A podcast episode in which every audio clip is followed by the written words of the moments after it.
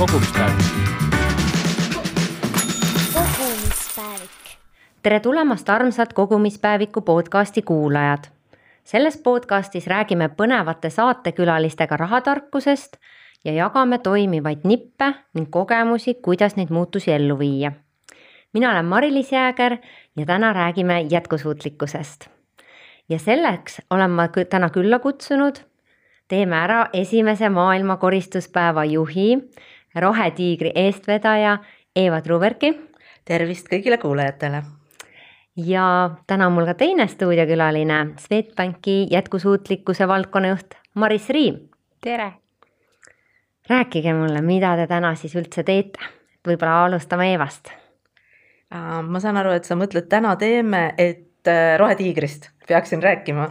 ja mis su igapäevatöö on või, või mis, kuidas sa neid päevi sisustad? ja, et sisustan päevi Rohetiigriga ja, ja tõesti praegu on väga-väga tihe tööperiood, et väga ootame juba juulikuist puhkust, aga Rohetiigris me tegeleme neljas suunas, ehk siis äh, nii avaliku sektori, erasektori, äh, vabakonna kui ka üksikisikuga ja me ütleme, et Rohetiiger on koostööplatvorm, ehk siis me katsume korjata üles ühiskondliku tellimuse nii organisatsioonide kui üksikisikute poole pealt ja vahendada seda avalikule sektorile.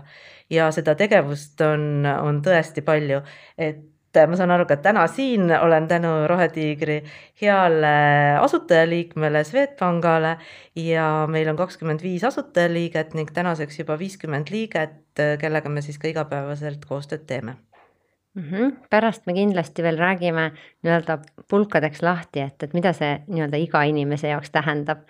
aga nüüd kuulan Maris jaa, mina olen jah, Swedbankis siis jätkusuutlikkuse eest äh, vastutav äh, alles selle aasta jaanuarist, küll aga selge on see, et pank äh, päris ainult alles jaanuaris selle teemaga alustanud ei ole.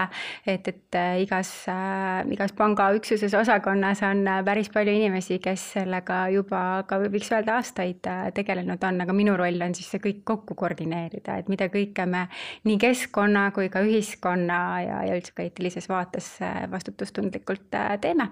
ja, ja seda siis koordineerida ja ka koos meie muude heade partneritega seda kõike ellu kutsuda ja lükata. et see teema on päris lai tegelikult, äh, millega sa tegeled ja, ja võib-olla hiljem tuleme ka nende teemade juurde, et yeah. Äh, mida siis ka ettevõtted saavad ära teha. aga enne veel, kui läheme siis meie põhiteema juurde, äh, teeme väikese mängu, ma küsin teilt kolm küsimust ja teie saate siis lühidalt vastata. esimene küsimus, mis on sinu esimene palk? Väga hea küsimus, et sellele mõtlesin kohe väga-väga hoolega järele ja ausalt öeldes isegi küsisin oma venna käest üle, et kas ma ikka õigesti mäletan. aga niimoodi oli, et äh, mul ema töötas äh, king, selleaegses Kingissepa kaubabaasis ehk siis praegu Kuressaares äh, kaubabaasis ja me käisime ema töö juures pakketsehhis komme pakkimas, niimoodi kahesaja grammiseid kommipakke pakkimas ja esimene töötasu oli kaksteist rubla. nii et äh, võib, võib mõelda, et üks jäätis maksis ümmarguselt kakskümmend kopikat sel ajal, nii et kaksteist rubla ja ma paar aastat kogusin ja siis ostsin omale kassettmaki selle raha eest Vau, et kohe ei kulutanud nende jäätiste peale, ma ei. saan aru ja Maris ähm,? Jaa, mm, ma jäin täitsa mõtlema, et, et ma arvan, ma olen päris kindel, et minu esimene palk oli äh, see, mis mu vanaema mulle rohimise eest maksis ja tegelikult meil oli isegi väike selline viljaait, kus me pidime sealt tampima seda vilja täditütardega koos ja, ja siis selle eest saime raha, sest arvas, et see on ikkagi raske töö. aga võib-olla päris selline töökoht oli äh, kooli ajal, äh, suvevaheajal, kui ma asendasin, ma mäletan ühte tuttava tuttavat äh, taaskasvatatud riietete poes et see oli mu esimene töökoht, kus ma Kuressaares töötasin jälle saarlane nagu Evagi, et äh, jah. mis sa tegid selle rahaga um,? Tead, ma arvan, et küll ma, ma selle lihtsalt ära kulutasin ja midagi selle eest ostsin nii, teine küsimus. Äh, mis on suurim kahetsus seoses rahaga? jah, äh, rahaga ja investeerimisega, sellele küsi-, need küsimused olid väga head küsimused, ma sain need ette ja ma sain mõelda nende peale päris tõsiselt ja mul ei tulnud ühtegi väga head kahetsust, et ma mõtlesin, et see oli nüüd küll üks väga-väga halb tegu, et pigem võib-olla ma mõtlesingi seda, et võib-olla üks kahetsus on see, et, et ma olen väga vähe investeerinud üldse. et äh, võib-olla oleks võinud juba aastate tagant hakata rohkem äh, ka investeerimise peale mõtlema, et võib, võib-olla see asi. aga midagi sellist, et ma oleks väga valesti teinud ja see oleks väga valus olnud, et seda ei tulnudki meelde eks see ongi, väga paljud kahetsevad, et varem ei hakanud investeerima, et, et täiesti levinud selline tunne. nii ja Maris? julgen siin sekundeerida täiesti Eevale. Ähm, no mina mõtlesin selle peale pigem, et, et kui midagi kahetseda, et kuhu oma raha panna, siis see on pigem selle raiskamisega seotud just see, et äh, kui sa teed emotsioonioste, et, et minu arust need emotsiooniostud on tihtipeale need, mille peale mõtled pärast, et kas see üldse tegelikult oli vajalik et sellepärast ma olen täna ikkagi palju teadlikum tarbija, et ma ikkagi päris mitu korda ennem mõtlen, kui ma, kui ma selle raha millegi peale kulutan mm. -hmm. aitäh.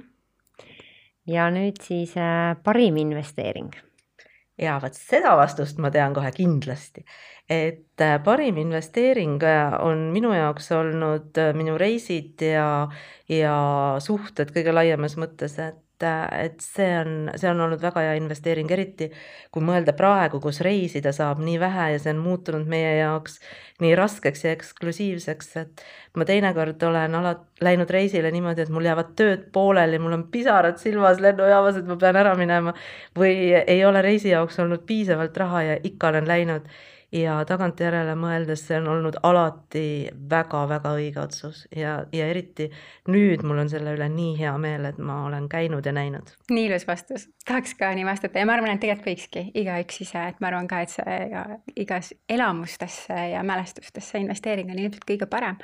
aga kui ma iseenda vaates mõtlesin, siis äh, mi, mm, niisugune nagu päris rahaline investeering, et äh, mina olen äh, päris mitu kodu ostnud ja need äh, nii-öelda päris hea nii-öelda tuluga siis ka pärast maha müünud, et, et niimoodi oma investeeringuid äh, kogunud, et äh, küll läbi oma kodude, mis öeldakse, et tegelikult kodusse, kodu ostmine ei ole investeering, aga, aga mina, mina olen neid niimoodi vahetanud ja, ja sellega oma tulusid kasvatanud, et ma arvan mm, -hmm. et need on kõige paremad mm. -hmm. aitäh!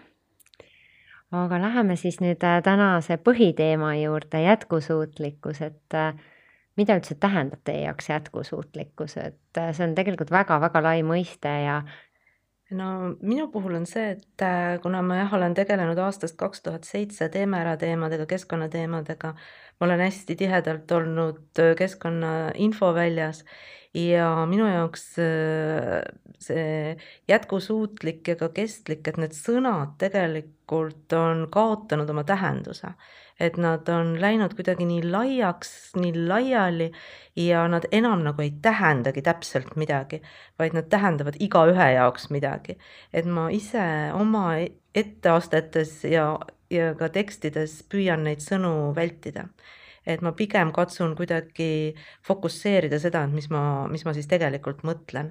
et pigem ma tahaksin öelda võib-olla keskkonnasõbralik, keskkonnateadlik nende oma, oma tegevuste kohta, sest jätkusuutlik iseenesest mõistena on, on palju laiem, nii et ma katsun kuidagi tõmmata siia keskkonnateemadesse oma, oma mõtteid ja tegemisi kokku, aga kui vaja, siis muidugi rääkida ka laiemalt. Et seetõttu võib-olla ma siin ei hakka neid eh, definitsioone tooma, et neid, neid saab igaüks vaadata, igaüks ise tunnetada, et, et mis see tema jaoks tähendab, aga, aga pigem jah, mina kui ma räägin nendest teemadest, ma hoiaks fookuse, kas ma, et millel, millest me siis täpselt räägime mm. -hmm. ja mhm. Maris mm, -hmm. mis sinu jaoks tähendab?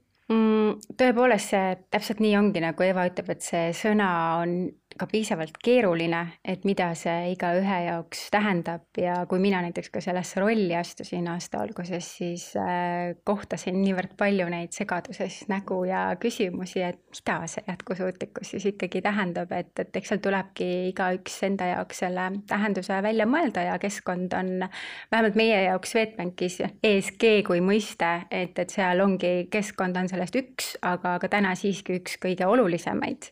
et, et see see on kindlasti ka minu jaoks, mida ma järgin, aga, aga teine on see, et eks see on kõik selline teadlik elamine ja tarbimine, et ma ei elaks täna nii, nagu homset ei oleks vaid et ma elan nii, et ma tean, et homme oleks vähemalt sama hea või veel, veel parem ja mitte ainult minul, vaid ka järgmistel põlvedel. nii, nüüd hakkasid need väiksed lühendid juba sisse tulema, et yeah. ESG, mis, mida see tähendab? ESG ja, et ilmselt suurettevõtted räägivad sellest äh, rohkem ja ma ei tea, kuivõrd see nagu Eesti meediasse jõuab, sest see ongi ju ingliskeelsetest äh, sõnadest äh, tulenenud lühend, et E environment ehk siis keskkond, S nagu social ehk ühiskond ja, ja sotsiaalne vastutustundlikkus ja G nagu governance ehk selline juhtimine ja eetika mm. -hmm. et nii, nii need. kogu see, elu. kogu meie elu aga kuidas oma igapäevakäitumises, kuidas teid see kõik mõjutab või mida te nagu teete selleks, noh, mõtlengi, et see kindlasti on aja jooksul muutunud mm, -hmm. kogu see, võib-olla oled enda jaoks mõtestanud teisiti, et äh, kuidas sa täna, kui sa teed neid asju, ma saan aru küll, et sa teedki jätkusuutlikult või mõtled tuleviku peale, aga mida see reaalselt tähendab mm,? näiteks mina hetkel äh, just tegin kodus suurt remonti, õigemini ma ostsin uue kodu ja, ja siis äh, praegu ma kohtan küll seda, et oi kui palju sodi meil kõik sealt välja tuleb ja, ja kõik see mööbel, mis sinna koju tuleb, kui on uut, kõik, kõik asjad, mis sinna koju ilmuvad, tulevad mingisuguse sodiga ja sealt läheb nii palju prahti lihtsalt niisama kõrvale. et nagu praegu ma kohtan seda, et, et kogu see igapäevane tegevus, mis me teeme, et, et kõik need asjad, mis üle jäävad, ma viin neid hunnikute viisi prügimäele, ma olen seal praegu käinud jäätmejaamas niivõrd palju, et et see on lihtsalt õudne, kuhu see kõik läheb, et, et noh, kui me nagu vaatame keskkonna vaates, et millised need prügimäed siis nüüd ikkagi need hunnikud on, mis meist järgi jäävad meie tegevusest, et, et noh, lihtsalt nagu selline teadlikkus, et me ei tekitaks seda nii palju. Et mina vähemalt püüan küll aina rohkem mõelda seda, et, et juba see prügi sorteerimine, mis tundub nagu niivõrd selline primitiivne, lihtne asi, millest räägitakse nii palju, aga tegelikult me paljud ikkagi seda ei tee ja, ja endalgi on ju raske või siis üldse see raiskamine, et, et ostame muudkui aga asju peale, teadmata, et mis sellest edasi saab. et mida mina püüan jälgida, ma rohkem mõtlen sellele, et, et mulle tuleb nüüd see pakend, et huvitav, kui ma nüüd selle ära viskan, kuhu see edasi läheb et äh,. tahaks näha seda teekonda. tahaks näha seda teekonda. kas tast ikkagi saab midagi uut, on ju, ja, või ta noh ma ei tea, põletatakse ära. ja teine on ka see, et kuidas üldse minuni jõuab, on ju, et, et püüan siis tarbida äkki, vähemalt ma ise püüan siis tarbida seda, mida ma saan lähemalt, et see ei tuleks kuskilt kaugelt mitme riigi äh, kauguselt ja, ja mitme transpordivahendiga on ju minu juurde, et, et see on jah, üks võimalus äh, sellele läheneda ja, ja noh, teine on see, et need oleksidki siis ka võimalikult naturaalsed, sest et ka materjalide puhul näiteks kui ma riietust valid, siis on ka lihtsam äh, mõelda sellele, et see oleks nii-öelda mitte segumaterjalidest tehtud, et äh, seda oleks hiljem võimalik ümber töödelda jällegi, et. ehk siis et... tarkusetera, et nii-öelda kui on puhas materjal, näiteks ja. ma ei tea, vill või puuvill, et seda on palju lihtsam ümber pärast siis käidelda, kui siis, äh, kus on kõik segatud kokku erinevad materjalid. see on tegelikult muude asjadega ka, olgu see siis plastik või, või mis iganes äh, tooted või asjad, mida me tarbime, näiteks klaasi on hea edasi töödelda, sest ta ongi noh, puhas klaas, sa saad sellest midagi teha, on ju, aga noh, plastik on näiteks just selline asi, mida on hästi palju erinevat ja neid on niisugused seguplastikud, millega ei olegi väga midagi peale hakata. et kuigi plastikpudelitest näiteks saab küll igasuguseid asju teha, -hmm. aga, aga lihtsalt selline nagu pidev mõtlemine selle peale, ma arvan, et see aitab sellele kaasa, et nagu siis sa ei pane hullu sellega. ja mulle meeldib näiteks käia ka, kui ma käin kuskil looduses, mulle meeldib väga mere ääres käia, siis ma võtan tavaliselt prügikotid kaasa ja puhastan seda mereranda. just, et mis sul tee äärde jääb. ja, ja, ja kevadisel ajal kuidagi on alati eriti palju, et sel kevadel siin hästi varakult Laulasmaa rannas käisime, saime suured kotid, inimesed kõik tulid vastu, oi kui tublid, oi kui tublid, aga et noh, keegi teine üldiselt ma ei ole näinud ise, et et oleks võtnud, aga, aga sellesse saab hästi ka lapsi kaasata, nii et äh, endale on tore tegevus ja kuidagi on nagu puhtam või parem tunne endal ka, et oled midagi head teinud selle jalutuskäigu jooksul mm. -hmm, väga kihvt, väga tore algatus.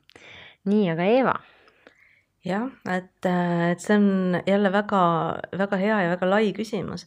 et võib-olla ma alustan natukene kaugemalt sellega, et ka viimasel ajal on päris palju olnud üleval meil Rohetiigris ja, ja ka inimestega, kellega ma olen rääkima sattunud, see küsimus, et et kes siis tegelikult maailma peaks päästma, kas üksikisik, organisatsioon, valitsus, et kuidas need asjad käivad ja mina olen hästi seda meelt, et kõik siin maailmas taandub üksikisikule. ma juba näen, kuidas inimesed ütlevad, mis asja, et tegelikult on ju seadused ja tegelikult on ju korporatsioonid, aga seadused on samuti tehtud inimeste poolt, korporatsioonid on samuti loodud ja juhitud inimeste poolt. mina kui üksikisik võin samal ajal olla Eeva, kes jah, mere ääres prügi korjab ja kodus prügi sorteerib, aga samal ajal ma võin olla ka suure ülemaailmse korporatsiooni juht, kes teeb otsuseid, mis puudutab kümneid miljoneid inimesi maailmas. Kus on see minu tegelik mõjukoht? minu mõjukoht sel juhul ei ole see, kuidas ma kodus prügi sorteerin, vaid minu mõjukoht on selles, millise otsuse ma oma juhatuse koosolekul teen, mis, mis puudutab siis jah, nii paljusid inimesi. ehk siis, aga samas see on minu kui üksikisiku otsus, muidugi ma räägin teistega läbi ja, ja alati võib-olla üksikisiku otsus ei ole see, mis näeb nagu puhtalt läbi, aga sellest kõik sõltub, mis on ühe inimese kahe kõrva vahel, olenedes sellest, milline on tema ametikoht kas ta on, on Eeva või Maris või ta on näiteks Kaja Kallas, vastavalt sellele on ka tema mõjukohad erinevad ja inimene peab tunnetama oma seda vastutust ja laiendama ka oma mõju õiges suunas. ehk siis, et eh, ükskõik, kes sa oled, sa pead mõtlema seda, et kuidas sa käitud kodus tööl ja puhkehetkel kuidas sa teed oma otsuseid läbivalt. ja muidugi kõik algab tõesti kodust, ka seetõttu, et kodus me oleme eeskujuks teistele pereliikmetele, lastele ja see näitab, et kuidas ma tegelikult suhtun asjadesse.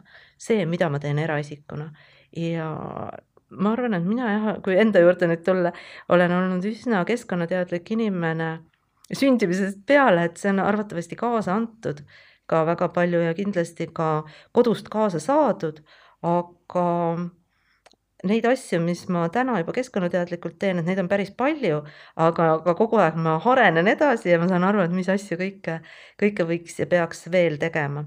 et see on selline huvitav teekond ja võib-olla siin täna ka sellises majandussaates, et, et kõige tähtsamad on ikkagi ka need majandusteemalised otsused, et näiteks mina olen hästi suur jagamismajanduse fänn, et ma arvan, et inimene ei pea omama kõiki asju planeedil mm -hmm. Maa, et me tuleme siia, noh kaasaegne inimene väidetavalt on eksisteerinud planeedil ümmarguselt kolmsada tuhat aastat meie igaüks keskmiselt veedame siin planeedil seitsekümmend aastat. ja miks me arvame, et me selle seitsmekümne aasta jooksul peaksime kõiki asju omama, mis olid enne meid, mis jäävad meist maha, mida me kaasa võtta ei saa, milleks? Ole, oleme ja suhtume ressurssidesse säästlikult, jätame ka endast maha eh, planeedi, kus võiksid ka järgmised, noh, isegi oleks hea, kui sada aastat inimesed elada. väga mõnusad mõtted. sellega seoses minul lihtsalt tuleb just meelde, et äh, mul oli äh, paar nädalat tagasi oma isa ja onuga äh, jutt siis Bolti autodest, just sel hetkel oli Bolt Drive siis turule tulnud et, et no küsis, et kas teie siis kasutate, et nende arust ikkagi nagu täiesti imelik ja jumala mõttetu, et mis asja, et noh, okei okay,, seal linna sees saad sõita, noh siis ma ütlesingi, et noh, ongi linna sees mm, -hmm. aga et noh, nende jaoks see on see ikkagi nagu päris arusaamatu veel, et et kuidas ma nagu lähen ja võtan tänavalt mingi suvalise auto enda nagu, aga mina jälle, meie pere on jälle väga suur fänn sellel, et, et. niisuguse mõtteviisi muutused, ma olin korra. aga Eva... kinos ma käin ka ju täitsa suvaliselt, lähen, ostan teatripileti, lähen täitsa suvalisse teatrisse. Ei arva, et etendus peaks mul kodus toimuma ja, näiteks et me tegelikult kasutame iseendale aru andmata jagamismajandust päris palju, aga mingites hetkedes, vaata auto peab iseenda oma olema mm, -hmm. et see on nagu täiesti hämmastav lähenemine. et mina, kes ma elan Tallinnas kesklinnas ja, ja töötan ka kesklinna piirkonnas, minul ei ole ol, olnud autot juba väga-väga palju aastaid niimoodi, et saab väga kenasti ära majandada ennast, ei ole mõtet, et sa viis minutit sõidad, viis tundi pargid. Et mina kasutan suveautosid, ehk siis ma võtan rendiauto kolmeks kuuks, kui on vaja Saaremaal käia suvel päris palju ja, ja see tegelikult on kasulik nii majanduslikult, olen välja arvutanud. ma võiksin iga päev taksoga sõita selle eest, et autot omada kogu aeg.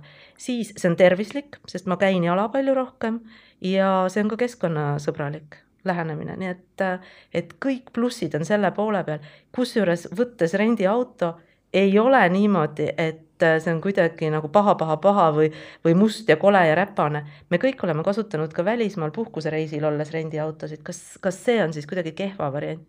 täpselt samamoodi saab seda Eestis teha.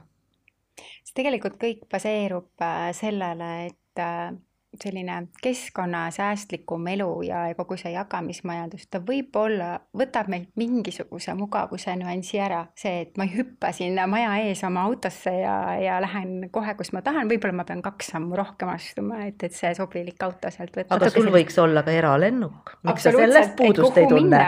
aga, aga ma just peangi nagu see paralleel tegelikult ka kogu selle rahaasjade majandamisega, et et noh, Mari-Liisiga jah, me mõlemad töötame küll pangas, aga ka see on natuke ebamugav. Ka see on ebamugav, et ma peaks natukene raha koguma või, või säästma või et ma pean sellele üldse otsa vaatama, palju ma raha raiskan. et äh, mina tooks neile hästi suure paralleeli, sest seal on nagu natukene sellist sarnast endale otsa vaatamist, et äh, et, et hästi mugav on minna lihtsalt kinnisilmi poodi osta endale ja siis vaatan pärast, palju mul raha üle jäi.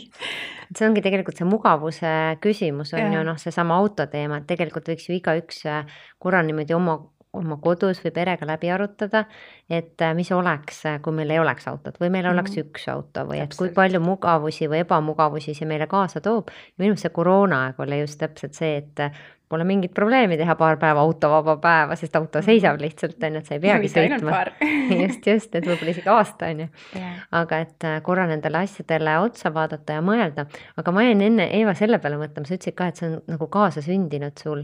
et äh, ma mõtlesin ise samamoodi, et ma väiksena elasin, selline oja oli mu kodu kõrval ja me sõbrannaga kõndisime, noh, niimoodi mhm. jalgupidi seal vees ja korjasime siis kiletükke ja noh, siis ju keegi tegelikult ei öelnud, et palun puhasta või, või teeme ära talgud mm. -hmm. kuidagi see tuli nii loomulikult, et tõenäoliselt ongi, sa vaatad enda ümber ja kui sa oled loodusega ikkagi kuidagi kontaktis, sa ise märkad seda mm, -hmm. kus on vaja kedagi aidata või, või siis hoida puhtana, et jah, nii huvitav aga jõudsimegi selle teemani, et äh, kas see, noh, et see mugavus on ju või kas üldse selline keskkonnasõbralik elustiil, on see kallis, on see kuidagi kallim või, või seesama näiteks toidu teemal, kui me räägime või kõik see kuidagi selline äh, looduslik ja vähe, ma ei tea, pritsitud ja ja mürgitatud toiduained, et, et ostad sellist looduslikumat? jah, ma vastaks siia, et vot see on minu meelest müüt, et keskkonnasõbralik elustiil on kallis. keskkonnasõbralik elustiil vast on ebamugavam natukene, nii kaua, kui sa ei ole sellega harjunud ja, ja võib-olla ta ei ole nii fancy mõnes mõttes, aga ta kindlasti ei pruugi või see oleneb ka muidugi, mida inimene siis keskkonnateadliku elustiili all mõtleb täpselt, aga ta kindlasti ei ole kallim, kui on muu elustiil.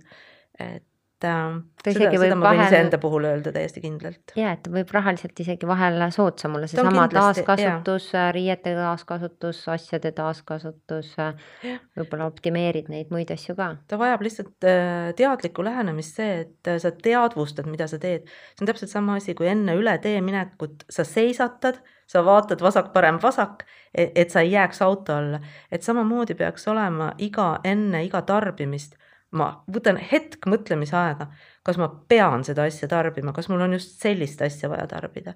et kui me saavutaksime selle teadlikkuse ja see oleks meie loomulik igapäevase elu ja käitumise osa, siis ma arvan, et me hoiaksime päris palju raha kokku tegelikult jah, nagu Maris ka vaatab paralleeli nende rahaasjadega, et ongi seesama, et ma vaatan otsa, kuhu mul see raha kulub, mida ma saan teha teisiti, et mul oleks eh, parem tulevik mm. -hmm. või täna juba oleks meil parem või kuidagi saaks teha neid asju, mida ma tõesti soovin teha. et see ongi selline natuke ebamugav, aga kui sa juba oled kuidagi selles rütmis ja sa võtadki seda loomulikku elustiilina, tihti on ikkagi need meie ümber need inimesed, kellega me koos kuidagi suhtestume e-, et, et siis on seda palju lihtsam teha. ma ütleks ka, et mm, jätkan siit Eeva jutust, et see on nagu selline mm, pigem jälgimine, et ma ei tarbi üle äh, et, et see on juba selline mõtteviisi küsimus, et, et mul ei ole vaja neid kõiki asju. Äh, ja, ja siis need asjad, mida, mida ma vajan, et need ma ikkagi mõtlen läbi ja ütleks nii isegi, et ma kuidagi olen jõudnud selleni, et, et kui sa siis tarbid vähem või soetad neid vähem, siis võib-olla ka see mõni asi äkki isegi teeb natukene rõõmsamaks, kui sa seda endale harva ostad et äh, see on nagu tunned nende asjade üle rohkem rõõmu. et muidu see on nagu selline, et noh et sa ei pane tähelegi. ma ei pane tähelegi ja et, et mul nad olemas on, et, et loomulikult, äh, kui nüüd sellel nagu keskkonnasäästlikul elul on ju ka erinevaid võimalusi, et noh, kui me nüüd räägime noh, mingitest asjadest või riietest või, või esemetest. et, et kas sa nagu taaskasutad neid või ma ostan nii-öelda kohe kallimad, kvaliteetsemad ja kuidagimoodi keskkonnasõbralikumad. aga ma arvan, et, et äh, ka see, kui ma ostan selle nagu kallima keskkonnasõbraliku, siis kogu see jätkusuutlikkus või kestlikkus, keskkonnasõbralikkus on kõik selline pikaajalisuse peale ju arvestatud, et kui ma siis ostan kestvama asja kallima hinnaga, siis kas ta pikas perspektiivis on kallim, noh, tegelikult ei pruugi, on ju, sest et see odavam asi võib-olla laguneb mul ka kiiremini käest ära ja ma pean ikkagi pärast selle uuesti ostma ja lõpuks hinnana teeb seesama välja mulle tundub, et äh, kui minna nagu nii-öelda sügavuti ja hästi detaili, siis võib tegelikult hästi hulluks minna, et vahel need diskussioonid ongi mm, -hmm. et äh, kas või elektriautoga, et kas on või ei ole mm, -hmm. et noh, iga selle haruga võib minna nagu hästi sügavuti, et kas te ise vahel ei tunne, et äh, et kuidagi lähed nii sügavale ära, et, et, et kaod nagu ära ma ei, äh, Eeva võib muidugi on vist isegi kauem sellega ju tegelenud selle teemaga, aga ei, mina küll, et noh, ma tunnen ka enda tööst või rollist tulenevalt juba vahepeal sellist frustratsiooni, justkui ma peaks olema see etalon ees, aga ma ei ole. Ja, ja, ja pigem ma nagu jagan seda mõtteviisi või mida ma ütlen ka siis oma kas kolleegidele või kellega ma räägin, et, et me ei pea hulluks ennast mõtlema et, et alusta väikestest ja lihtsatest asjadest, sest et äh, öelda selle peale, noh tavaliselt ma näen nagu seda vastasseisu, et, äh, et appi, et see tundub niivõrd keeruline ja ma ei saa sellega hakkama ja, ja et äh, või siis tuntakse isegi piinlikkust enda üle, et, et ma ei ole piisavalt keskkonnasõbralik, et, et me ei peagi olema ju kõik ideaalsed selles, et Äh, et pigem on hea, kui me kõik teeme vähemalt natuke, meil ei ole vaja seda mõnda ideaalset selle asemel, et olla, on hästi palju neid, kes teevad vähemalt juba midagi. sest et noh, see on ka, võib selline omamoodi hasart olla, et, et kui sa selle mõtteviisi endale omaks saad, nagu ka raha kogumisega ju ja investeerimisega, et, et siis hakkab ka see külg tasapisi aina rohkem ja, ja mõtestama oma tegevust rohkem. et jah, mina nagu ütleks, et äh, tegelikult ei tohiks ennast hulluks mõelda jah, sama, sama siin, et, et ma olen hästi nõus sellega ja, ja minul võib-olla üks iseloomuomadusi, miks ma olen saanud ka selliseid asju teha, nagu ma olen teinud, on see, et ma suudan asju lihtsaks mõelda, et ma pigem ma ei upu sinna keerukuste sisse ära, vaid ma näen kogu seda pilti ja siis suudan just selle, selle lihtsuse välja tuua ja selle, et teeme asju samm-sammult, ehk siis täna ma olen siin, ma tahan jõuda siia, et ma panen küll endale eesmärgi paika, aga ma keskendun järgmisele sammule, järgmisele sammule, järgmisele sammule. ehk siis, et ma annan aru, et ideaali keskkonnasõbralikkuses ei saavuta mitte kunagi mitte keegi, ma arvan, et see ideaal nihkub alati eest ära ja ei maksa seda arvata, et ma pean mõtlema, et kuhu ma, kui keskkonnateadlik ma tahan ise olla, see oleks hea, kui see on paigas. ja teine asi on see, et, et ma saan alati oma arengut juhtida, ehk siis mõelda, et et homme ma teen selle sammu, noh näiteks, kes ei käi veel, kindlasti selliseid inimesi on päris palju, kes ei, ostavad poest kilekoti. Mõtlen nii, nüüd järgmise kuu väljakutse on mul see, et ma kannan kaasas oma riidekotti, käingi poes oma riidekotiga. või siis äh, tõesti, et äh, lähen tööle kaks korda äh, nädalas jala. ei, ei lähe autoga. et Äh, selliseid pisikesi asju ja neid ei pea niimoodi, et ma mõtlen, et homsest ma muudan oma elu täielikult, et ma teen kohe kakskümmend seitse asja, teen kohe teistmoodi. Siis sa ei tee lõpuks mitte ühtegi ja sa oled äh, frustratsioonis ja, ja närviline ja väsinud ja lõpuks langed tagasi veel madalamale, kui sa enne olid.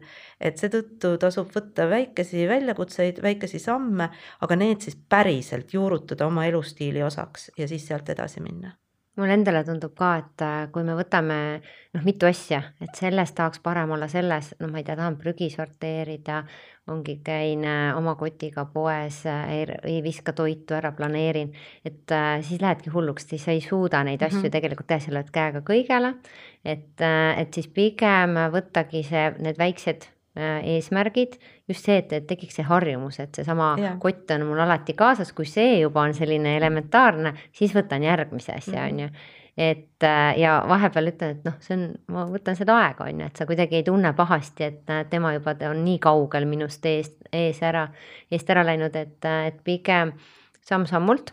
aga nüüd me võiksimegi kuulaja peale mõelda ja needsamad sammud, et, et mis need võiks sellised noh, jällegi igaüks on erineval tasemel, on ju aga et, et mis need sellised esimesed elementaarsed asjad võiks olla, et sa juba tõid välja, et see oma koti võtan kaasa siis natuke jala käia, et ehk siis autoga ei sõida.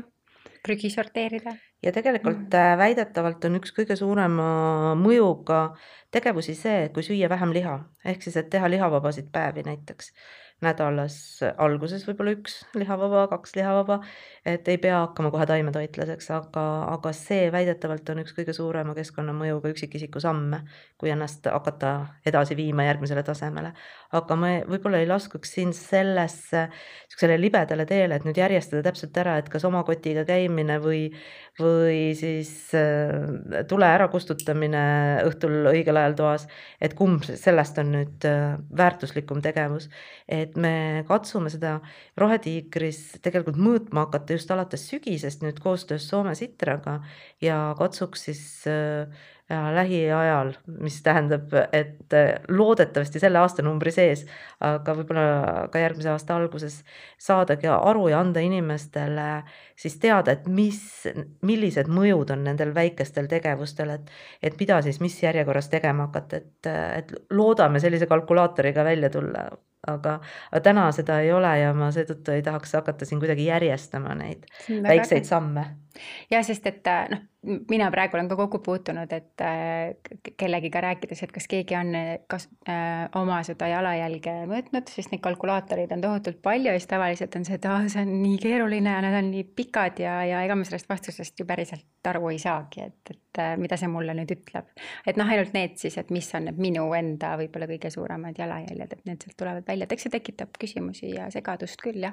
aga pigem on need sellised äh, lihtsad asjad tegelikult jah, et ma korra mainisin ka ennem, et seesama prügi sorteerimine, et, et noh, kui ikkagi vaatad, siis enamus on ikkagi see olmejääde, mis kõigil läheb ühte kohta, et tegelikult see on, ei ole nii raske ära, ära sorteerida. Ja miks see on oluline, seesama, millest me ennem alustasime, et selleks, et need kas siis need esemed või siis ka see biojääde, ühesõnaga, et nad jõuaksid õigesse kohta, et seda saaks nii-öelda taastoota, et, et selleks, et toit läheks biojäätmesse, et selleks saaks uuesti muld, selleks, et plastik äh, jõuaks eraldi omasse kohta, et taara viia taarapunkti, et sellest saaks uuesti siis mingeid plastikesemeid või siis pudeleid toota või siis ka klaaspakend on ju, et sellest saaks uuesti klaasi teha. et, äh, et võimalikult vähe jääks meil ikkagi seda segaprügi, mis läheb lihtsalt ahju ja mis omakorda ju tekitab meile õhku CO2, nii et äh, et selleks ongi siis prügi sorteerimine oluline, et seda oleks võimalik uuesti taastöödelda aga kas see prügi, see, kus kõik segamini on, kas see läheb ahju või see läheb kuhugi hunnikutesse, me oleme näinud äh, suuri prügilaid mm. -hmm. no ma mind päris ei lasku sinna, et, et ma ei tunne nii hästi seda, et ma tean ainult seda, et meil käis ka Ragn-Sells äh, rääkimas, et eks nad mingil määral püüavad neid ka sorteerida välja aga kui see on ikkagi segamini selle biojäätmega pandud, siis sealt on ikkagi raske neid kätte saada ja, ja siis nad kipuvad ikkagi minema kas siis prügimäele või siis jah, nagu kütteks. Mul endal on hästi kurb, et aeg-ajalt äh, tule, ilmuvad sellised lood, et, äh, et sorteerite küll, aga tegelikult pannakse kõik ikkagi kokku. et mm kas siis on sellised juhtumid olnud, ma saan aru, et need pigem on üksikud, et tegelikult ikkagi Äh, on mõistlik sorteerida, et te võite nüüd äh, täiendada seda, et. Äh, jah, et see peaks kindlasti kõlama jääma, et mõistlik on sorteerida, et seda, et meil on sorteerimises suured puudujäägid, sellel korraldusliku poole pealt, et seda tegelikult teavad kõik, kes teemaga seotud on, et et see, need just, mis kevadel nüüd olid need meediakajastused, et need ei tulnud ju kellelegi üllatusena. võib-olla mulle endale tulid üllatusena, et need arvud ja need vahed on nii suured, et seda, seda võib-olla küll, aga tänu ka nendele kajastustele on nüüd asjaomased osapooled on kõik ennast uuesti kokku võtnud ja ja ma hästi loodan, et et kõik teemad vaadatakse alates siis seadustest, regulatsioonidest, koostööprotsessidest vaadatakse kõik uuesti üle ja ja tahaks loota, et järgmise aasta alguses, järgmisel kevadel antakse uuesti siis täpsed selged suunised inimestele, et vot sellised asjad me paneme segaolmesse, sellised asjad me sorteerime eraldi, sellised jäätmed lähevad äh, taaskasutamisse, see võimekus, ümbertöötamisvõimekus on meil Eestis olemas, sellised asjad lähevad äh, Soome või Taani ümbertöötlemisele ja selliste äh, materjalide, selliste toodete ümbertöötlemiseks meil ei ole mitte mingisuguseid võimalusi Eestis, need lähevadki prügimäkke, need lähevadki põletamisse ja tuleks ausalt inimestele ära öelda, kuidas need asjad on. Ja inimesed on valmis äh, sorteerima, kui nad saavad aru, miks ja, ja kuidas jah, et mis sellest pärast mm -hmm, saab, et äh, täpselt. nii nagu Mariski ütles, et äh, kui ma nüüd selle ära viskan, selle papi või asja, et mm -hmm. ma mhm. tahaks näha, et mis sealt edasi tuleb, et, et nii kihvt oleks tegelikult vaadata, et näed, see WC-rull nüüd ongi sellest täpselt. paberist näiteks tehtud. me võiksime kuidagi teada ikkagi, kus see asi minuni tuleb ja kuhu see edasi läheb. ja, et see on, ma arvan, inimesed ikkagi on väga uudishimulikud ka, et kui sa saad aru, kuidas see liigub kõik, et, et siis sa oled nõus rohkem võib-olla panustama kindlasti ja jah, ja kellel on juba harjumus tekkinud ja võimalused olemas äh, sorteerida, palun jätkake seda, et see on, see on hästi oluline tegelikult. minu jaoks on see kõik nagu sellise hoolivusega seotud, et noh, et Ongi. ei ole ju see, et saadan oma silma alt ära ja mind ei huvita et äh, tegelikult ikkagi peaks huvitama just sellepärast, et äkki meil muidu ongi viiekümne aasta pärast ainult kolmkümmend kraadi õues, kogu aeg ei jaksa nii. nii nagu täna. aga õnneks on vaata neid äh, ikkagi kuidagi see teadlikkus kasvab ja neid äh, prügikaste on ka erinevaid ikkagi majade juures ja minu meelest on väga palju selle nimel juba tööd tehtud. aga, aga võib-olla jah, ma toon siia veel jälle selle hästi suure pildi juurde, et kuna me ütleme ka, et Rohetiiger on selline ressursside eestkõneleja, siis ilusad suured arvud, et äh, maailmas tegelikult kasutatakse igal aastal sisendina äh, erinevaid äh, ressursse sada miljardit tonni. et see on tegelikult hoomamatu suurus, et ma ise ütlen ka ilus suur arv, aga ega ma päriselt ei kujuta ette, mis, mis, mis asja see tegelikult tähendab. aga sellest sajast miljardist kaks kolmandikku on taastumatud äh, ressursid ja üks kolmandik on siis taastuvad bioressursid nii et, äh, et väga noh, niimoodi ta umbes jaguneb ja omakorda kõigist nendest sajast miljardist tonnist ainult üheksa protsenti ümmarguselt on see, mis on siis taaskasutatud, ülejäänud üheksakümmend viis protsenti kogu ressursist, mis me igal aastal paneme majandust sisse, mis me kasvatame ja kaevandame siit planeedilt maa, see läheb sirgelt äh, uuesti välja äh, materjalina ja heidetakse siis reostusena kas atmosfääri või siis visatakse mingil muul moel ära. ja kaevandatakse jälle uued, uued ressursid, et noh igaüks, kes selle peale natukene mõtleb, saab aru, et, et niimoodi me kaua siin planeedil enam ei majanda, et see on, see ei ole jätkusuutlik.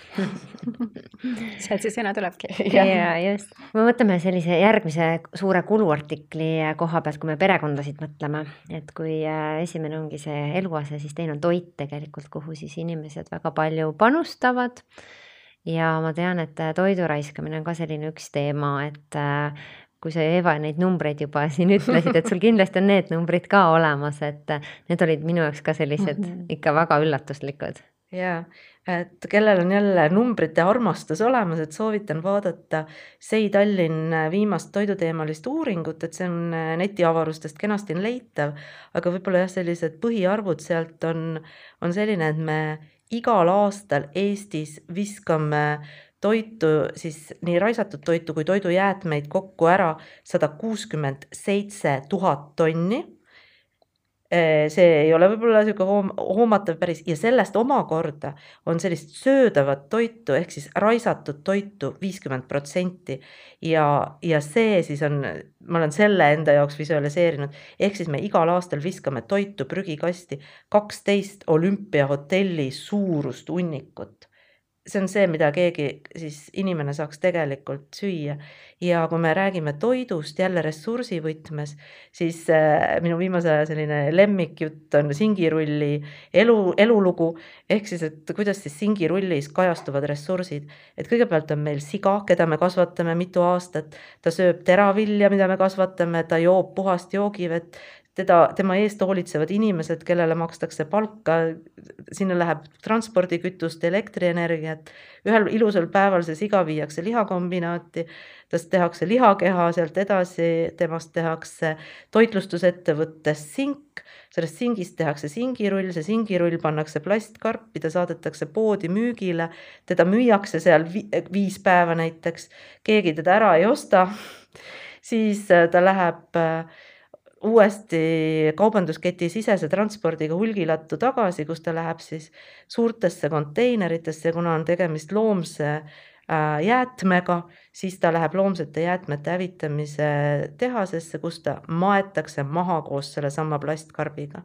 ja, ja niimoodi me kulutame oma ressursse, me oleme sinna sisse nagu mitme aasta jooksul investeerinud erinevat äh, erine-, erinevat jah, ressurssi ja me lihtsalt matame koos plastkarbiga selle singirulli lõpuks maha. see võtab, ütleme nii, et sõnatuks, et äh, päris õudne ja noh, see on ju väike näide, kõikide mhm. asjadega mm -hmm. tegelikult toimub ju ja sarnane. neid singirulle siis, mis me ära viskame, söödavat toitu, seda siis on jah, kaksteist olümpiahotelli suurust hunnikut aastas. on sul, Maris, midagi lisada? kui siis ainult see, et äh, ma olen siin paari inimesega rääkinud sellel teemal, et ma ei tea, mis selle paarikümne aastaga küll äh, vahepeal juhtus või juhtunud on, kõik see tarbimisühiskond, aga isegi mina veel ikkagi kasvasin äh, niimoodi üles, et äh, Panama käes saime küll nii selle liha kui ka juurviljad ja, ja kõik muu selline ja ma saan seda endiselt oma ema käest ja, ja paneb mulle ka need purgid ja, ja korvid kaasa ja järgmisel hetkel küsib, et too mulle nüüd palun purgid tagasi. et, et, et noh, see on ju tegelikult nagu kogu aeg olnud meie normaalne käitumine siiamaani siiamaani, aga nüüd just need viimased kümnendid on see muutnud, et kõike saab ju poest ja ma saan selle ära visata, mul ei ole seda ebamugavust, et ma pean siin koguma mingeid purke. et, äh, et see on nagu lihtsalt see mõtestamise küsimus, et võib-olla ma ei näe, et me kogu selle keskkonnasäästliku eluga peaksime kuidagi sammu tagasi astuma. Äh, aga, aga ikkagi mõtlema, et võib-olla mõned asjad olid ikkagi seal minevikus ka normaalsemad käitumised kui praegu ja ma just jäin mõtlema selle äraviskamisega, et ma ise viskan väga vähe toitu ära ja ma noh, pigem vaata öeldakse, et käi harvemini poes, aga ma tunnen, et ma pigem käin natuke tihedamini ja siis ma tean, et ma ei viska ära seda toitu mm, -hmm. sest kui ma käin korra võib-olla nädalas, ma ostan no võib-olla ei planeeri nii hästi ja vahepeal oleme õhtul võib-olla kodust ära kõik ja see kord jääb tegemata söök, et äh, siis ma pigem ongi see, et, et mul noh, valus on visata ju ära. ma ei tea, kas see on jah, see turvatunne, mis meil tekib, et külmkapp peab täis olema et äh, noh, tegelikult me ju ei vaja kogu aeg, et see külmkapp on pungil täis. ja noh, võib-olla üks asi veel, mis on siit välja tulnud päris kõvasti, on ka see, et, et inimesed on hakanud viimasel ajal jälgima väga kõvasti ka seda kõlblik kuni kuupäevasid, et äh, ma olen mhm. avastanud päris palju inimesi, kes äh, vaatavadki topsi pealt, et kõlblik kuni oli eile ja ta viskab täis näiteks jogurtitopsi lihtsalt prügikasti. et selle asemel, et teha see kaan lahti, maitsta ja nuusutada, et eh, kas on toiduaine veel kõlblik ära süüa, sest ka see kõlblik kuni piima ja lihatooted, kalatooted, kui me hoiame neid külmkapis, et ei ole ju niimoodi, et, et oli näiteks esim- või kolmekümne esimene detsember eh, kuni kakskümmend neli null null oli kõlblik ja siis esimene jaanuar kell null null null null on ta nii riknenud ja ohtlik, et teda enam süüa ei tohi, et, et see päriselt ei ole ka niimoodi.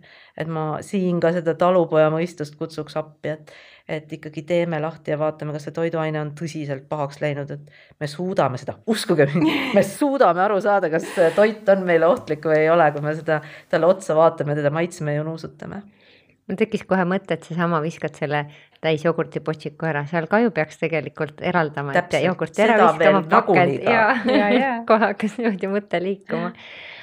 Need on nüüd sellised äh, eraisiku tasand on ju, et noh, nii nagu sa ka enne ütlesid, et kõik hakkab nii-öelda meist endist pihta, aga me oleme ka ettevõttes äh, kas siis juhid, töötajad et äh, võib-olla Maris, ma sinult küsiksingi, et äh, mida Swedbank näiteks selleks teeb, et kuidas ettevõttena nagu muuta seda maailma parim, paremaks mm? -hmm noh, eks see suurettevõtte jaoks ongi see mõtestamise koht, et mis see meie jaoks nüüd üldse tähendab või mis rolli me siin äh, tegelikult mängime, et tegelikult selleks ongi ju kaks võimalust, et kas ma mõtlen sellele, et mis mõju mul üldse endal on nii ühiskonnale kui ka siis keskkonnale, aga teine pool, et, et olles näiteks nii suur ettevõte nagu Swedbank on Eestis, meil on väga suur roll nii Eesti majandusele kui ka ühiskonnale laiemalt, siis meil tõenäoliselt on ka siin mingisugune roll.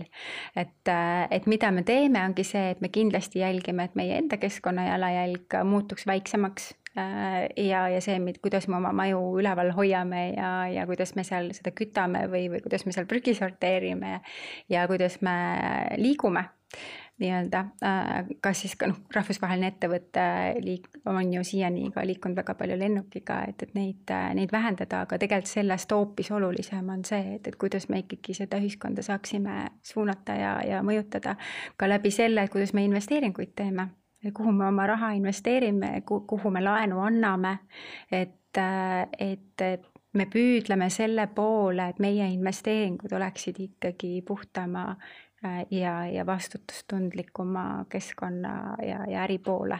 et, äh, et me looksime need võimalused ja, ja kusjuures see ei ole ainult see, et, et me anname raha ainult päikeseparkidele või, või tuuleparkidele.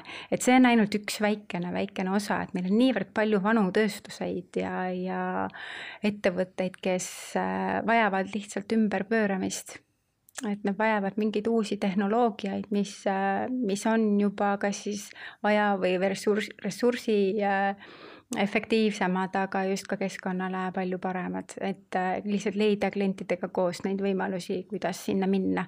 ja ka eraisiku suunal, et noh, vot sealt tulevad küll jah, jälle ka need päikesepaneelid mängu, et me igaüks saame ka enda kojusele katusele panna ja, ja ja muut- ja samas ka muuta oma kodusid teisel viisil keskkonnasäästlikumaks, et akendevahetused, katusevahetused, mingid küttesüsteemid, et et sellised lihtsad vahendid, et see on nagu see rahaline panus, aga me ise tunnetame ka seda, et, et meil on ikkagi ka täielik selline roll ka sellise mõtteviisi muutuses, mida me siis teeme ka oma kommunikatsioonikanalites, et, et ka seal aidata natuke neid sõnumeid levitada, et toidu raiskamine on halb või siis mingi muu käitumine, ka, ka transport et kuidas me jälgiksime, millega me liigume ja ja, ja kuidas see meie keskkonnale mõjub. jah, mõtle, seal juba töötab tegelikult väga palju inimesi, et see on mm -hmm. jällegi see mõtteviisi muutuse juurutamine ja mul veel meenub, et tegelikult need investeerimisfondid ju samamoodi vaatavad, et Just. oleks äh, nii-öelda jätkusuutlikud ettevõtted, kellesse. ja mis on ka ju väga tore, et tegelikult ikkagi hoolimata sellest, et me teame, et meil on ikkagi neid, kes viskavad palju toitu ära ja, ja kes ikkagi ei mõtle selle keskkonna peale, siis tegelikult on meil ikkagi ka see tellimus äh, täitsa klientide poolt olemas, et need rohetooted on väga soovitud. et, et nii investeerimisfondid või, äh, või laenutooted ja et neid ikkagi väga tahetakse ka ja on ju üsna kiire populaarsusega meil võitnud näiteks roburifondid on ju, et, et äh, me näeme ikkagi, et, et see muutus äh, ikkagi on ka tähendusrikas teatud hulgal inimesele ja inimesed ju, see on ju loogiline, et muutused võtavad ka aega, et kõik ei tulegi nendega kohe kaasa ja, ja küll tulevad teised ka. Ja, ja ma tean, tegelikult ju Rohetiiger on sama mõttega, et koondada, seljad kokku panna, erinevad ettevõtted viivad koos seda muutust läbi no jaa, täiesti. Ja praegu ka kuulates Marist, mul tuligi just see mõte meelde, et Rohetiigri suur inspiratsiooniallikas on ka tiigrihüpe. Ja kui me mõtleme, et tiigrihüppe idee sündis tuhande üheksasaja üheksakümne viiendal aastal, millal ju me tegime raamatupidamist ruudulises vihikus ka suurtes ettevõtetes ja käisime iga päev ülekandeid pangas tegemas, selles mõttes, et füüsiliselt läksimegi panka kohale, kirjutasime seal paberi peale, kui palju on vaja kuhu kanda või sulas välja võtta ja seda siis niimoodi tehtigi.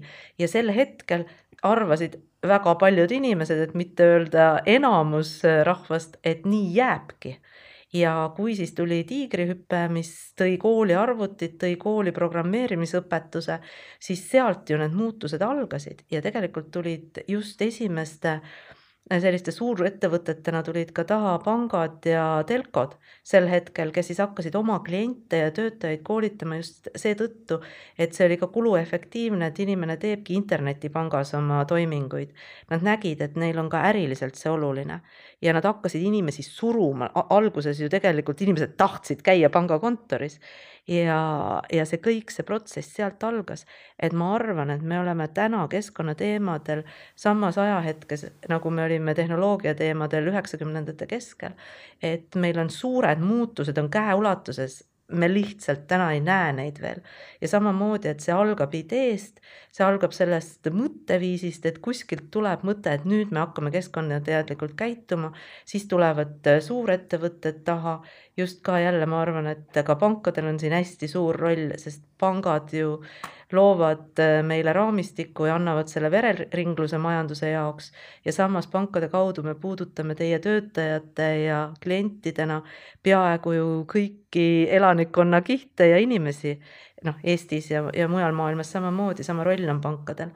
nii et äh, ma arvan, et siit samamoodi samm-sammult äh, hakkab see muutus peale, aga ma kahtlustan, et see toimub kiiremini, kui meil toimus see tehnoloogiahüpe. mis toimus, mis toimus umbes kahekümne aasta jooksul, siis ma kahtlustan, et see rohehüpe, kus maailm on tundmatuseni muutunud, see saab olema kümne aasta jooksul. ja ka sellepärast, et meil lihtsalt ei ole rohkem aega kui me nüüd võrdlemegi Eestit maailmaga, et kus me oleme? sa pead nüüd silmas just keskkonnateemadel? jah, just see on hästi huvitav. Ma olen selle üle päris palju ka mõelnud ja minu meelest on siin kaks reaalsust. üks reaalsus peegeldub igasugustes äh, sellistes võrdlustes, kui meid pannakse äh, edetabelitesse, siis Eesti on tihti just Euroopa võtmes, arenenud riikide võtmes on sellise punase laterna rollis aga samas, kui me mõõdame oma keskkonnateadlikkust, meie inimesed on keskkonnateadlikud, me saame aru, mis me teeme päris hästi, aga me kuidagi ei käitu oma teadmiste põhjal, et me ei tee nagu reaalselt tegevusi, mis oleksid keskkonnateadlikud. see on meil vist isegi investeerimisega täpselt sama. rahatarkusega ja. täpselt samamoodi, et me oleme pisad õppides seal üks-kaks ja, ja, ja. ja siis hakatakse vaatama, et kui palju seda noh, tarkust jah, praktikasse viiakse siis on juba kehvemini. aga eestlastel on üks suur trump me oleme minu niisugusel hinnangul, kes ma olen töötanud ka ligi saja kaheksakümne riigi inimestega, me oleme absoluutselt kõige efektiivsemad ärategijad, kui seda mingil hetkel on vaja mm. -hmm. et kui me ostame selle idee ära, et nüüd peab seda tegema ja kui juhtuvad sellised esimesed, maailmas esimesed suuremad äh, katastroofid, et me saame aru, et nüüd on viimane häda käes ja maa põleb jalge all, siis eestlased suudavad ennast hästi efektiivselt kokku võtta ja liikuda nagu punktist A punkti B väga sirgjooneliselt ja väga eesmärgipäraselt. samal ajal tegelikult ma ütlekski kohe siit jätkan, et ongi ju nii kahju kohati, et väikese riigina meil olekski võimalik tegelikult ju kiirelt see uus hüpe teha, hoopis rohelihüpe on ju, ja, ja näidata siin eeskuju kõigile teistele, et väikeses riigis on neid muutusi nii palju lihtsam teha.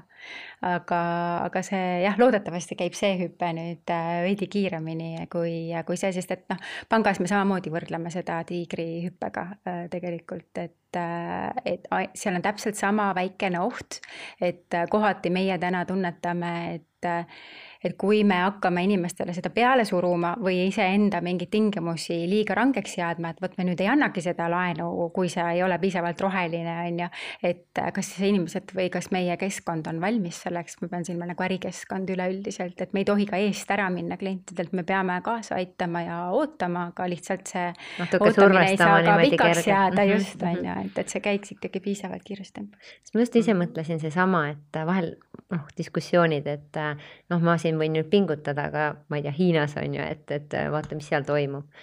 et, et kui me ikkagi siin seda muudatust teeme, see on jällegi see, et võib-olla ma ei taha sinna mugavustsoonist välja minna, et ma tõesti, mina peangi iga päev natuke midagi teisiti tegema, et see on jällegi mõtteviis on ju, et, et sa peadki, jube lihtne on leida põhjuseid, miks ma ei peaks seda tegema, tuuagi see Hiina või ma ei tea, kes mm, -hmm. mingi teine riik. et jällegi, kui me ise teeme natuke teisiti mis sellest, on seal Hiinas, kuidas on, on ju, et äh, mina tahan, et mul on parem tulevik ja minu lastel on parem tulevik, et ma pean kuskilt hakkama. aga lihtsalt muud võimalust ei ole tegelikult, kui ise teha ja kui ka väikese riigina olla eeskujuks teistele suurtele, sest äh, kogu aeg lõputult näpuga näidata ja oodata, et keegi teine teeb et see oli täpselt seesama jutt, mis ma enne rääkisin üksikisiku kohta, et, et igalühel on oma mõju koht, et kuigi sa oled üksik inimene ja väike, väike inimene ja sa võib-olla tõesti päästad ära viis singirulli et et ja mõtled, et see on nagu nii väike tegemine, siis lõpuks see kõik muutub suureks ja lõpuks sa pead leidma need oma mõjukohad ja ka Eesti kui riigi mõjukoht kindlasti eeskujuna, ma arvan, on väga-väga suurelt olemas, kui me suudame selle mudeli siin välja mõelda ja rakendada, kuidas keskkonnateadlikult toimida, et ja ega muud varianti ei ole ka, kui, kui ise teha. Jah, ja alati on ju see, et äh, kus need muudatused tulevad, ongi järgmine põlvkond, et äh, kui me oma lastele juba õpetame, räägime neid asju, siis sealt juba tuleb ka muutus selline, et kõik saavad ka aru, et noh, nii on ju normaalne, on ju et, et oluline on ka neid äh, rääkida ja ma ise just mõtlen, et seesama tulede ärakustutamine, et ega tihti, ega ma lastele ju ei räägi seda, ma lihtsalt teen, on ju, sest mul automaatselt. võib-olla on oluline sinna juurde lisada, et miks me, miks see oluline on, miks me niimoodi teeme, nagu me teeme, et, et see ei ole tegelikult ju selline loomulik. samal ajal need võiks nagu koos käia, on ju, et jällegi ainult rääkimisest ka ei piisa, et ise peab eeskujuks olema. ja, ja absoluutselt mm, -hmm. et aga vahel sa teed asju ja sa ei märkagi, et noh, sa pole mõe-, noh. teisest küljest ma arvan, et sa jällegi kaudselt vaikselt oled sellega oma lastele eeskujuks, küllap nad märkavad seda, et alati ei pea kõike ka ütlema, et, et tegelikult nad õpivad meie kõrvalt ka, aga jah, loomulikult ikka tuleb rääkida asjadest. ei, asjadest tuleb rääkida ja näiteks ka sellesama toidu puhul, et, et äh, me ka vaatasime, et üks, üks kõige tähtsamaid asju on ikkagi mõtestamine, täpselt see, et sa nagu iga asja ostmise tarbimise puhul, ka toidu puhul, sa mõtled, sa teed omale nimekirjad, sa mõtestad, sa saad aru, et see toit ei ole lihtsalt see jogurtitops seal poeriiuli peal, vaid tõesti selle jogurtitopsi sisu tootmiseks elab kuskil üks lehm, kes sööb teravilja, joob puhast vett ja keda, keda iga päev lüpstakse ja, ja kelle jaoks on olemas lüpsjad ja lüpsimasinad ja traktorid ja kõik asjad. et me peame teadvustama ka toitu kui sellist ja kõiki muid keskkonnateemasid ka. Ja me peame lastega nendel teemadel rääkima, ehk siis kui me istume pühapäeva hommikul laua taga, sööme pannkooke, siis me ka räägime sel teemal, et kust, kust see vili tuleb. Mm, -hmm. et see pannkook on oluline, et sa tõstadki taldrikule oma ühe pannkoogi, sööd selle ära ja siis mõtled, kas sul on seda teist pannkooki veel tarvis, mitte see, et me sööme viis pannkooki ära ja siis teised viis, mis oli rohkem tehtud, need viskame prügikasti. et, et see on nagu normaalsus, see ei tohi niimoodi olla. Ja mis, mis ma ka täitsa üllatuslikult tegelikult avastasin, on see, et äh, noh, mis mina ei avastanud, vaid mida võib-olla SEI uuringust välja tuli, oli see, et kõige rohkem toitu raiskavad noored eh, reeglina kahe lapsega pered. aga kui nemad raiskavad kõige rohkem toitu, millist eeskuju nad annavad tulevasele põlvkonnale, on suur küsimärk, ehk siis me ise anname väga halba eeskuju. ja teiseks, et kui ma olen nüüd siin niimoodi ümberkaudu ise teinud oma väikest uuringut, siis minu suur üllatus oli see, et äh, kõige rohkem viskavad seda kõlblik kuni toitu ära, et vaatavad seda kuupäeva ja viskavad sirgelt prügikasti just noored, lapsed pigem, käivad oma pere külmkappe üle ja loobi ja lihtsalt viskavad neid toiduaineid prügikasti. täiesti võin kinnitada.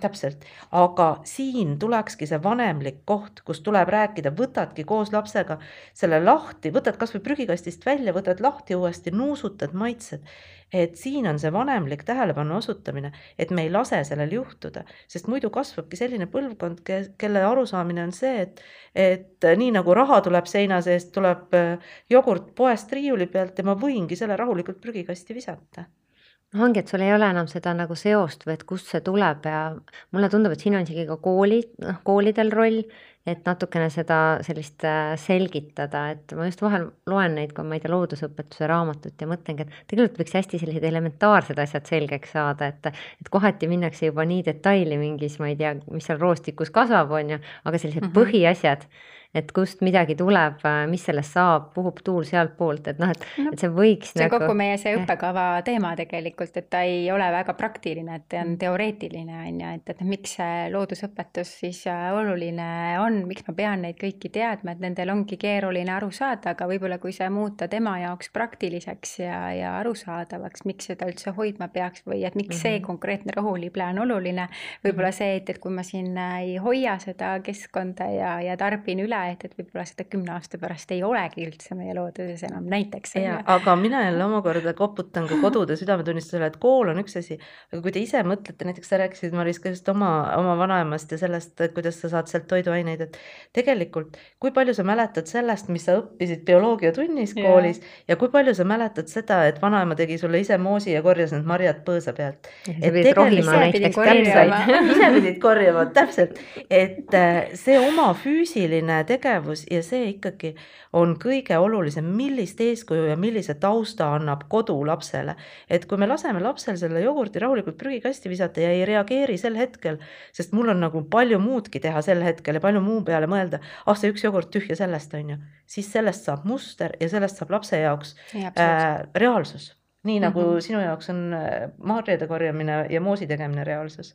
et, et see on nagu see vahe, et ma just mõtlen selle külmkapi peale ka, et mul ka vahel lapsed ütlevad, et midagi süüa ei ole, on ju. Mhm. et äh, siis ongi see koht, kus, et ma ei taha osta seda külmkappi täis, sest ma tean, et siis kaovad asjad tahapoole ära, keegi jälle ei ja. leia midagi, viskad lõpuks minema, et parem olgu vähem asju kui rohkem seal külmkapis. mina olen hakanud praktiseerima seda, et ma ei osta, ma ei too ennem toitu juurde, kui see ei ole normaalselt tühi.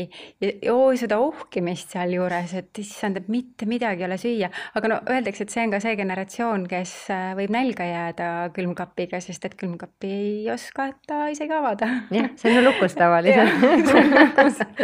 Et midagi ei ole süüa, et, et see ei ole ainult see, et seal tegelikult ka midagi ei ole, et aga no eks see on jah, meil kõigil selles äh, elutempos ja, ja, ja kõiges leida neid hetki ja, ja neid õpetamisi, nagu Eva tegelikult äh, räägib, et et see on loomulikult kogu laste kasvatuse juures, et mõista kasvõi seda, et vaadata lapsega taevasse, et mis tähed seal on või, või, või kas seal on suur vanker või väike vanker, et nendest asjadest rääkida. et igast asju peaksime rääkima et äh, mulle tundub, et me võime siin vabalt äh, kolm tundi veel rääkida või siis teie õhtu otsa. et tõmbame natukene täna siis koomale, et, et siin ongi tõesti palju teemasid, et võib-olla täna jäigi just kõlama see, et noh, see toiduteema on ju ja seesama vaata enda ümber, tee neid väikseid asju, võta üks asi korra kätte, kui sa on jälle nii-öelda oled omaks võtnud, siis võtta alles järgmine, hakka tegema. et just, et äh, ja ka ennast nagu tunnustada selle eest ka, et, et ma juba teen midagi ja siis rääkida ka natukene teisi või nügida natukene ja just oma ka lastega tegeleda ja rääkida tahate te midagi äkki lisada või mingi selline mõte, mis jääks kõlama? jah, võib-olla veel see asi, see oma käitumise mõtestamine, et, et panna tähele, mis ma ise teen igapäevaselt, et hetkeks võtta murdosa sekundiks aeg maha ja mõelda, et miks ma selle ostuotsuse teen või et äkki ma peaks seda pannkooki mitte prügikasti viskama või äkki ma peaks lapsele ütlema seda asja ka, et et, natukene mõtestada oma käitumist ja võtta natuke seda metsikut tempot maha, mis meil kõigil on. minul ongi tulnud selline tunne, et tihti selle nagu elutempode kiiruse alla see kõik jääbki, see ületarbimine ka, et, et jääb nagu vähe aega selleks, et me mõtleksime. kuhu me tormame. jah, et kuhu me ja. tormame ja et äh, aga noh, mina ütleks võib-olla selle kõige rohkem, et me üle ka ei mõtleks, et noh, et selleks, et ma jätta selles hirmus nii-öelda tegemata või õigesti käitumata, et äh, ma ei ole ideaalne, see ei olegi vajalik. et, äh, et teha kas või natukene, et mitte hoida seda hirmu enda sees, et, et ma ei ole piisav et äh, juba natukene, see on ka juba väga see on, sama asi, et ah, ma ei lähe täna tervisejooksu tegema, sest maailmameistrit must nagunii yeah, ei saa.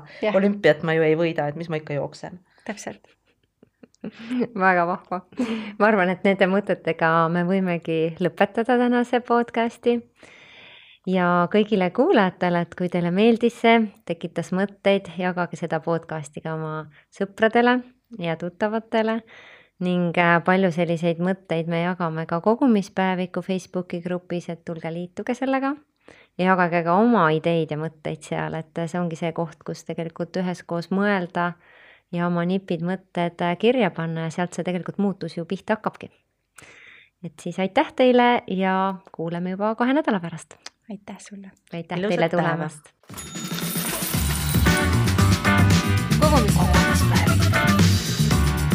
Kogumispäev